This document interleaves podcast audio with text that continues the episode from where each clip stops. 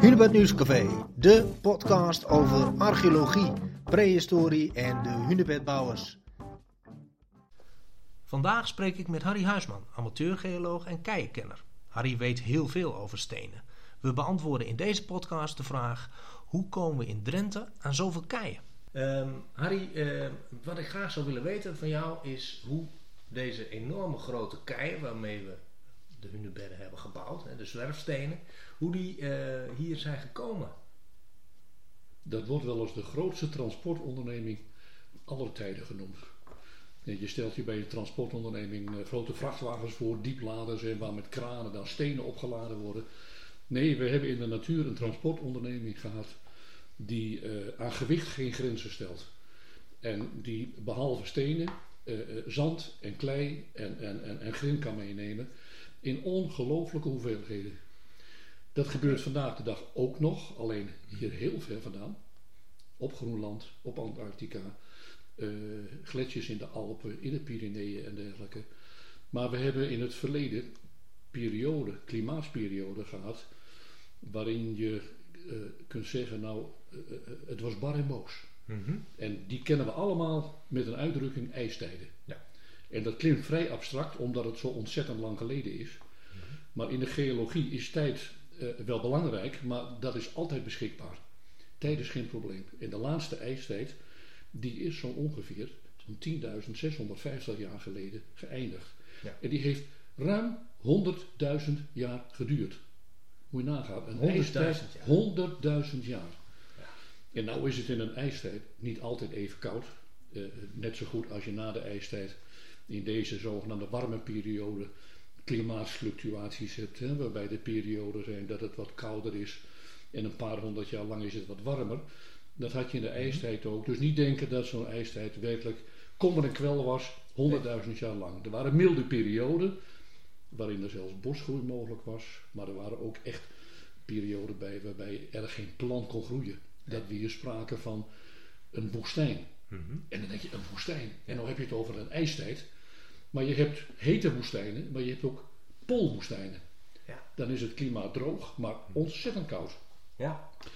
Wat gebeurt er in een ijstijd? Uh, de verdamping in de oceanen gaat gewoon door. Mm-hmm. En je krijgt ook te maken met hoge drukgebieden en lage drukgebieden. Kortom, neerslag valt naar beneden in de vorm van sneeuw.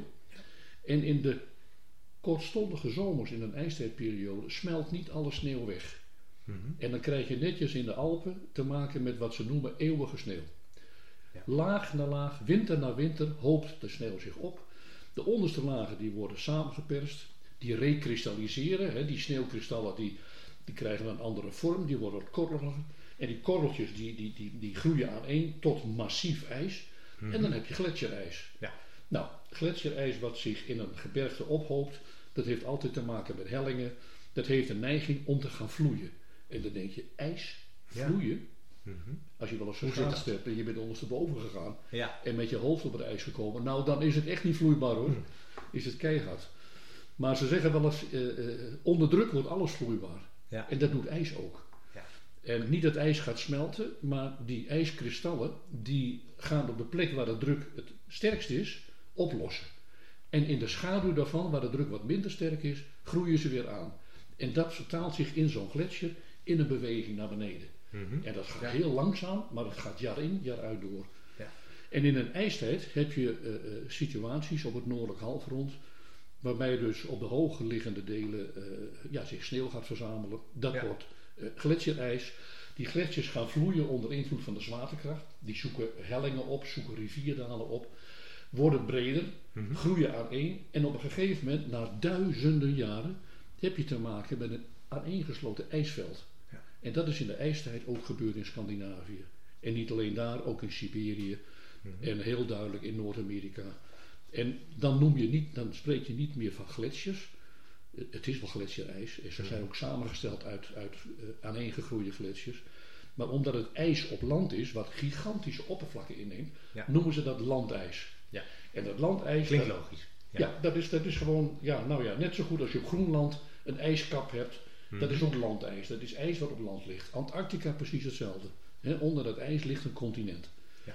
En dat, die sneeuw die zich gaat verzamelen, dat wordt steeds dikker. Op een gegeven moment hebben we in de ijstijd op- in Scandinavië, eh, in, in, in Noord-Scandinavië, Mhm. eh, met ijsdiktes te maken gehad van kilometers.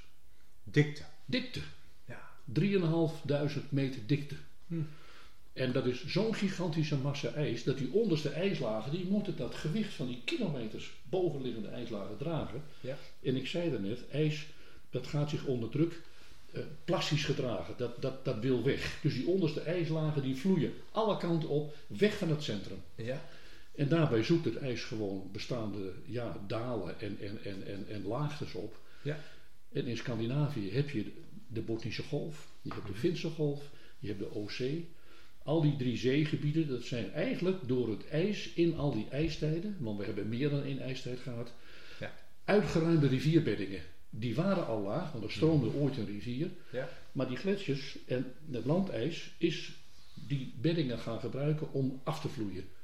Onder andere richting naar het zuiden. Mhm. En dan Ja. kom je uiteindelijk bij Polen en Noord-Duitsland uit. En omdat de Oostzee in het zuiden een hele mooie bocht maakt in de richting van de Noordzee, Mhm. heb je een ideaal stroombed gehad waarbij gigantische massa's ijs Ja. via de Oostzee richting Noordzee stroomden en ook richting ons land. Mhm. Nou, dat ijs dat is onderweg, eh, eh, ja, dat heeft allerlei puin meegenomen. Ja, en is het dan een soort ijsrivier of hoe moet ik dat dan zien? Het, Nee, het is je hebt- niet vloeibaar. Het is niet vloeibaar, maar het leuke is, het ziet eruit, ook als je naar Groenland kijkt of als je over Groenland vliegt, dan, dan, ja, dan is het één aan één gesloten witte pannenkoek. Mhm. Maar in het ijs vinden allerlei deelstromen plaats. Want het blijven aaneengegroeide eh gletsjers. Ja. En die hebben allemaal een verschillende bron gehad in Scandinavië. Maar dat zie je niet meer. Maar dat ijs dat stroomt over een, een, een, ja, een ondergrond, eh, zoals nu ook, waar je zand hebt liggen, waar je klei hebt liggen. Ga maar eens op vakantie in Scandinavië. Daar zie je miljoenen stenen liggen. Dat is allemaal los materiaal. Dat wordt het allereerst opgenomen. Het ijs gaat als een soort schaaf eh, te werk en neemt dat op. In het ijs, maar ook onder het ijs. En neemt dat mee. Ja. En als dat verdwenen is, dan komt die onderliggende rotsbodem aan bod. Mhm. Ja, en ijs werkt nou eenmaal als een soort schaaf en breekmachine. Ja. En we leggen in een volgend verhaal wel eens uit hoe dat dan precies gaat. Ja. Maar ijs is wat dat betreft ontzettend goed in staat om keiharde gesteenten af te breken. Ja, oké. En dat zijn ruwe rotsblokken, Ja. maar door het hotsen, botsen en tegen elkaar aanschuren Mhm. worden die keien langzamerhand wat afgerond. En dat zijn dan de zwerfstenen, zoals je die hier in Borger ook ziet Ja. liggen. En bij de Hunebedden ook. Vormeloze blokken steen, eh, langwerpig, rond, eh, eh, maar allemaal met wat afgeronde hoeken. En zij die, die zijn dan in de ene laatste ijstijd hier afgezet, om het maar even zo te zeggen. Maar wanneer zijn ze dan afgebroken?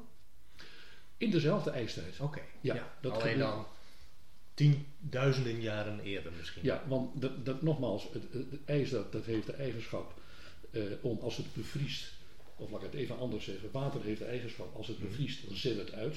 Ja. En rotsen die kunnen er wel heel ongenaakbaar uitzien. Hè. Mhm. Kijk maar eens naar de Alpen en die toppen die je daar hebt.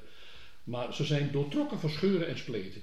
En daar kan gewoon water in lopen in die kortstondige zomermaanden. Als dat gaat bevriezen, dan oefent dat ijs een gigant- gigantische druk uit op dat gesteente. Ja. Dat wil uitzetten. En daarmee worden de rotsblokken, nou ja, groot en klein, losgebroken. Ja. En daar zit geen grens aan. Ik bedoel, er zijn stenen bij, die kun je gewoon oprapen van de grond. Maar Ja. er zijn er ook gevonden, die zijn duizenden, tienduizenden, honderdduizenden kilo zwaar. Ja. Er ligt in Denemarken, bij Hesselaker, op Jutland of op Fune, er ligt een zwerfsteen die heeft een omtrek van 46 meter. Zo, dat is bijna een compleet eh, gesteente. Ja, nou je Berg. denkt als je daar staat, oh hier komt de rots uit de ondergrond naar boven. Ja. Maar je kunt er omheen lopen en ze hebben daar ter plekke een soort ja, vijver gegraven om eh, het, het, nou, nou, het imponerende van die steen duidelijk te maken. Mhm. Dus je kunt erop lopen, je kunt er omheen lopen, maar het is één zwerfsteen. Zee. En het Ja. leuke is, het is een gesteente waar ook nog van bekend is waar het ijs het uit de vaste rots in Zuid-Zweden heeft weggehaald. Oké. Ja. Ja. En als je dat weet, Ja. ja, dat heb je hier in Drenthe ook bij die hunebedden. Ja. Je ziet soms steensoorten, eh, als je een beetje van stenen weet, maar daar komen we later ook wel op terug. Dan kun je soms uitspraken doen van, hé, hey, dat is een dat soort gesteente. Ja. En geologen in die Scandinavische landen, die hebben ontdekt van, hé, hey, dat gesteente komt daar vandaan. En als je die match hebt, dat het echt met elkaar overeenkomt, nogmaals, dan spreek je van een gidsgesteente. Dat als je zo'n steen hier vindt in Drenthe, of je ziet hem in een hunebed liggen, Ja. dan voert die steen je als het ware terug naar het brongebied. En dat kan soms tot 2500 kilometer hier vandaan liggen. Ja, ongelooflijk. Dus eh, we kunnen zeggen dat, eh, dat, dat het ijs eh, de hunebedbouwers in ieder geval goed gezind is geweest. Want zonder dit hele proces wat je nu hebt beschreven, eh, zou eh, in Drenthe nooit een hunebed zijn gebouwd. Nee, sterker nog, het leuke is, je kunt aan de hunebedden zien waar stenen op het oppervlak hebben gelegen of heel dicht onder het oppervlak. Oké. Maar bijvoorbeeld in Westerwolde, Oost-Groningen, nou, Mhm. dat ligt hier een 20 kilometer, hè, 25 kilometer hier vandaan, Ja. daar hebben ook hunebedbouwers gewoond. Die bekende vondst, die beroemde vondst in Dalfsen in Noord-Overijssel, Ja. waar ze een nederzetting hebben aangetroffen, daar Mhm. hebben die mensen ook gewoond. Ja. Alleen, ze hebben gebruik gemaakt van plaatselijk bouwmateriaal. En daar had je geen zwerfstenen. Nee. Dus daar vind je geen hunebedden. Nee, exact. Ja. Mooi. Eh, dankjewel, Arie. Dit was alweer een podcast van het Hunebed Nieuwscafé. Meer weten? Kijk dan op hunebednieuwscafé.nl voor meer podcast en meer achtergrondartikelen. Heb je een vraag? Mail dan naar gkloekmaker.hunebedcentrum.nl Blijf op de hoogte en luister mee in het Hunebed Nieuwscafé.